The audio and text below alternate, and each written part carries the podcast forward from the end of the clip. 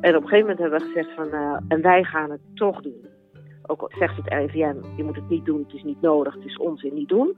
Maar ik dacht, ik ga ze gewoon niet meer langer zo laten lopen. Met die vragen, met die twijfel. Dit is Lies Zuidema. Zij is bestuurder van Brentano, een organisatie met onder meer verpleeghuizen. Een aantal daarvan is getroffen door corona, wat een enorme impact heeft gehad op de cliënten, de familie, het personeel en niet in de laatste plaats op haarzelf. Het raakt mij enorm dat wij dit allemaal met elkaar moeten meemaken. Het is zo onvoorstelbaar en onvoorspelbaar geweest. Dat je aan alle kanten rond je heen moet grijpen om de dingen bij elkaar te houden. Maar dat je ook niet weet wat je morgen verwachten kan. Dit is een serie over leven en overleven in coronatijd. Met verhalen van mensen in het hart van de zorg en daaromheen. Wat mij zelf heel erg raakt of geraakt heeft, is natuurlijk een oneindige verdriet en angst van de medewerkers en de bewoners. Die, die ook niet wisten wat er overkomt. Het is een hele heftige ziekte. En eer dat wij in de gaten hadden dat je wanneer je juist wel zuurstof moet toedienen en wanneer niet. En wanneer je moet beginnen met morfine en wanneer niet. Want dat blijkt dan het verloop wat we kunnen rustiger te laten verlopen. Dat is voor sommige mensen puur paniek geweest. Voor bewoners die, die overleden, puur paniek. Maar ook voor de medewerkers die daarbij stonden. Soms zonder familie, omdat het zo snel ging. Ik spreek veel met personeelsleden, medewerkers. En, uh, en, en dat zie ik nog steeds terug. En ik noem het zelf, zij hebben een trauma opgelopen.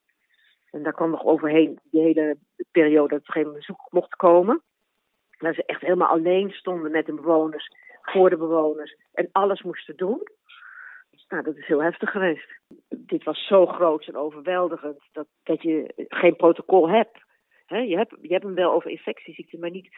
Maar hoeveel ga je nodig hebben? Hoeveel ga je gebruiken? En dat met dat zuurstof, wij hebben, wij hebben natuurlijk wel zuurstof in huis, maar niet zoals een ziekenhuis. Dat het gewoon uh, bij elk bed is. Dus wij hebben moeten lopen slepen met, met leidingen, met tanks, met noem maar op, uh, in een omvang dat wij gewoon nog nooit hebben meegemaakt. Je, hebt er een handvol, misschien wel eens, nou dan vind je dat veel. Maar nu hadden we tientallen mensen die aan de zuurstof lagen. En uh, de, onduidelijkheid van uh, of we genoeg zouden hebben, heeft ook echt mensen geraakt. Er is echt een periode geweest dat we dachten van nou, dan hebben we nou wel voldoende zuurstof? En, en, waar halen we het vandaan? Als we het niet hebben, moeten we straks keuzes gaan maken. Dat is net niet nodig geweest, maar dat geeft wel heel veel spanning. En je weet niet of je morgen nog eens twee keer zoveel nodig hebt, want je weet niet hoeveel mensen ziek worden. Dus dat is wel enorm geweest. Nu de woonzorgcentra weer langzaam opengaan, vindt Lies dat er extra aandacht en nazorg moet komen. Wij gaan ook bijvoorbeeld een, een goede herdenkingsbijeenkomst houden. Zowel voor de familie van de overledene, maar voor 50% ook voor de medewerkers. Want die hebben mensen verloren zonder dat ze afscheid konden nemen van de familie. Die ze ook al zeven of acht jaar kennen. Hè? dat is één ding. Dat is, dat is nog het niveau van, van, ik noem het dan maar even rouwverwerking. Maar er zijn echt mensen die, uh, die daar zie je aan gedrag en, uh, en, en, en zoals ze zich uiten, dat ze echt een trauma hebben opgelopen. Ik heb daar van begin af wel heel erg oog voor gehad, omdat ik wist dit gaat gebeuren. We hebben een paar mensen die hebben gewoon naar een, een traumapsycholoog gestuurd. Om, omdat het te heftig is om mee te blijven lopen. En ik ben ook heel alert van wat er later nog gaat gebeuren met mensen. mensen sommige mensen slapen gewoon heel slecht. Mensen dromen corona's, dromen van mondkapjes.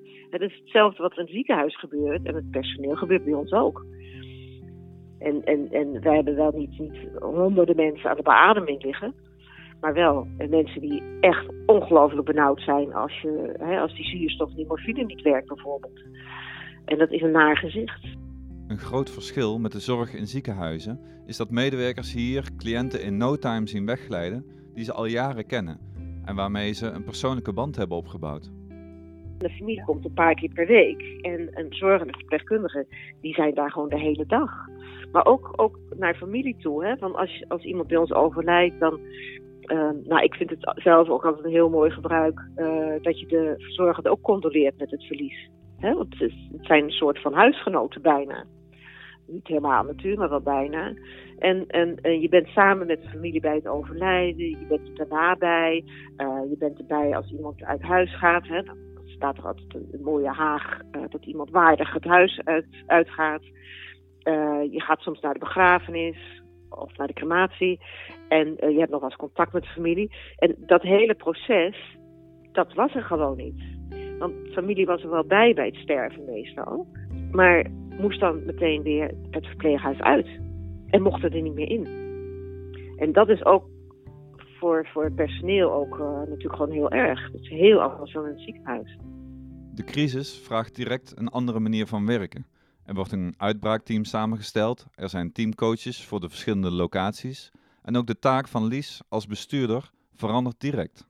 Wij zijn eigenlijk heel erg platte, transparante organisatie, al zeg ik het zelf, waarbij eigenlijk de teams met hun coördinerend verpleegkundigen eigenlijk heel, heel zelfstandig zijn al. Niet op alle locaties even goed, maar wel in principe heel zelfstandig.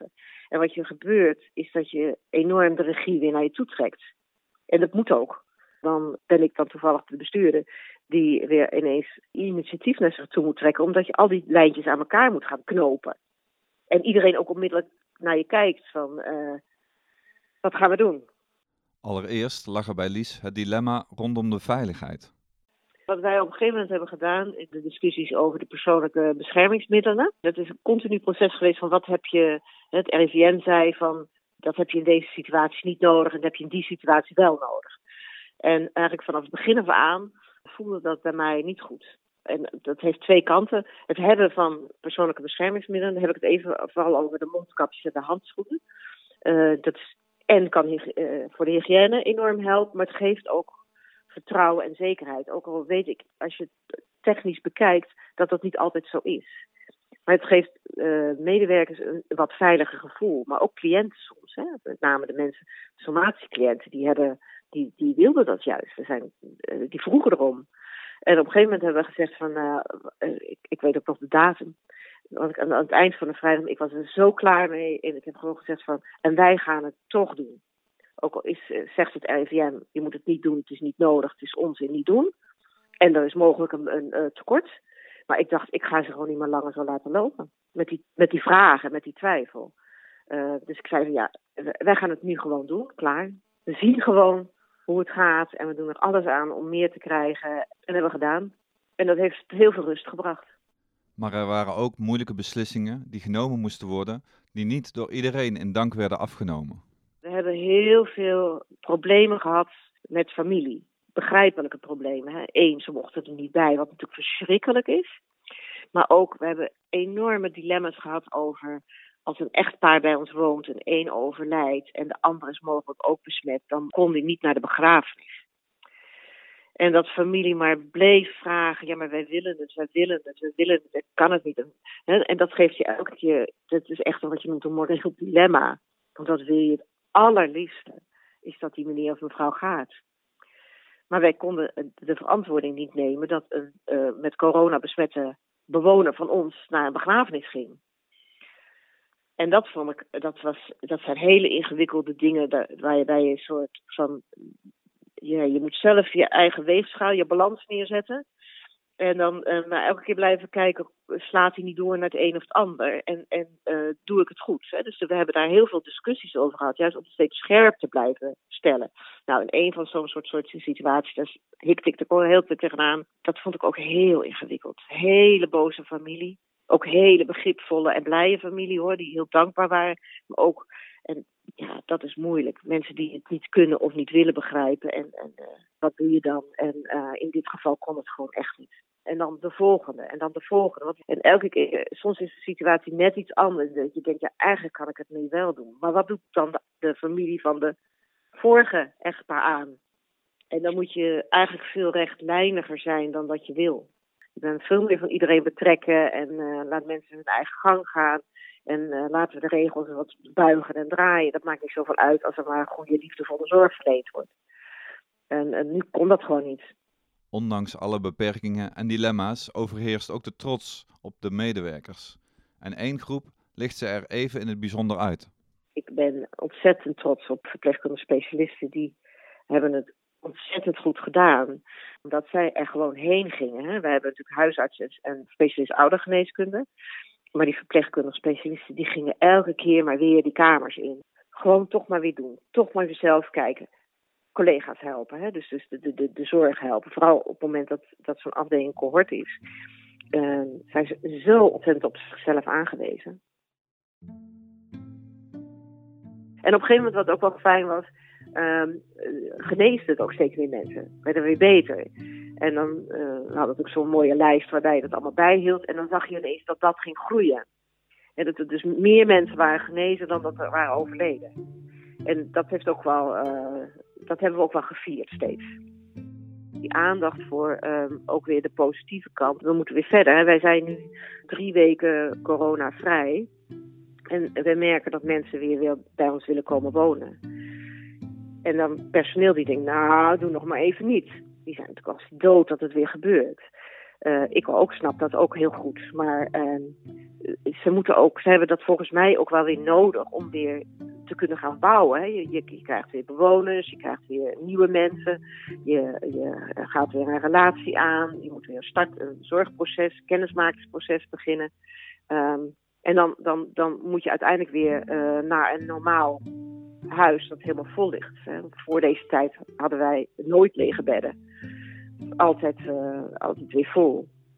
En uh, nu, nu is dat dan weer een beetje griezelig, maar het, het, gebeurt wel. En mensen hebben het echt nodig. Tot slot de vraag wat Lies mee zal nemen uit deze tijd als straks corona eenmaal achter de rug is.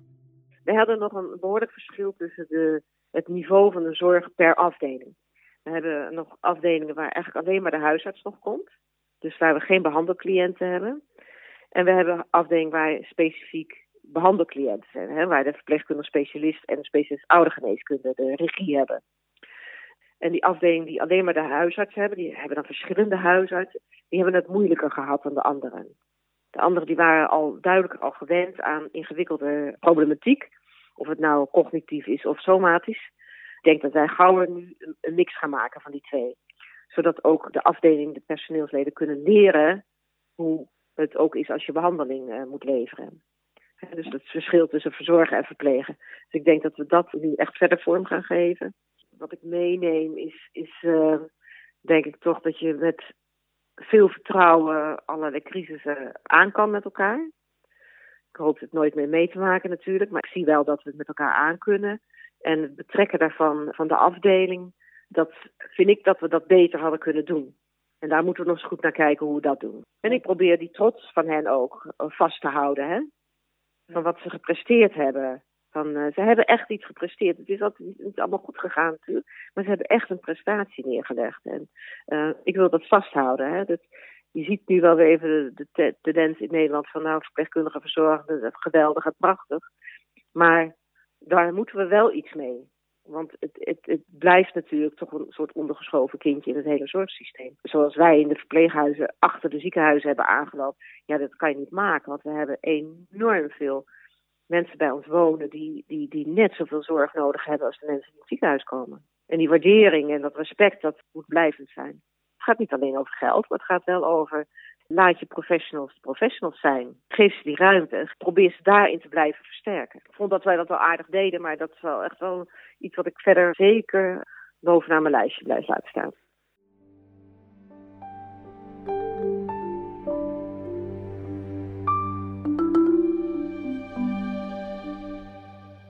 Deze serie bestaat uit meer verhalen van mensen die werken in het hart van de zorg en daaromheen. Met als doel elkaar te verbinden en te versterken in coronatijd en hopelijk tot ver daarna. Ben je nieuwsgierig? Volg ons via social media en de nieuwsbrief of kijk op zorgdragers.nl. Deze aflevering is gemaakt in samenwerking met Leonie Vogels en is een co-productie van Zorgdragers, Stefan van Wieringen, Sier en Nathan van der Veer.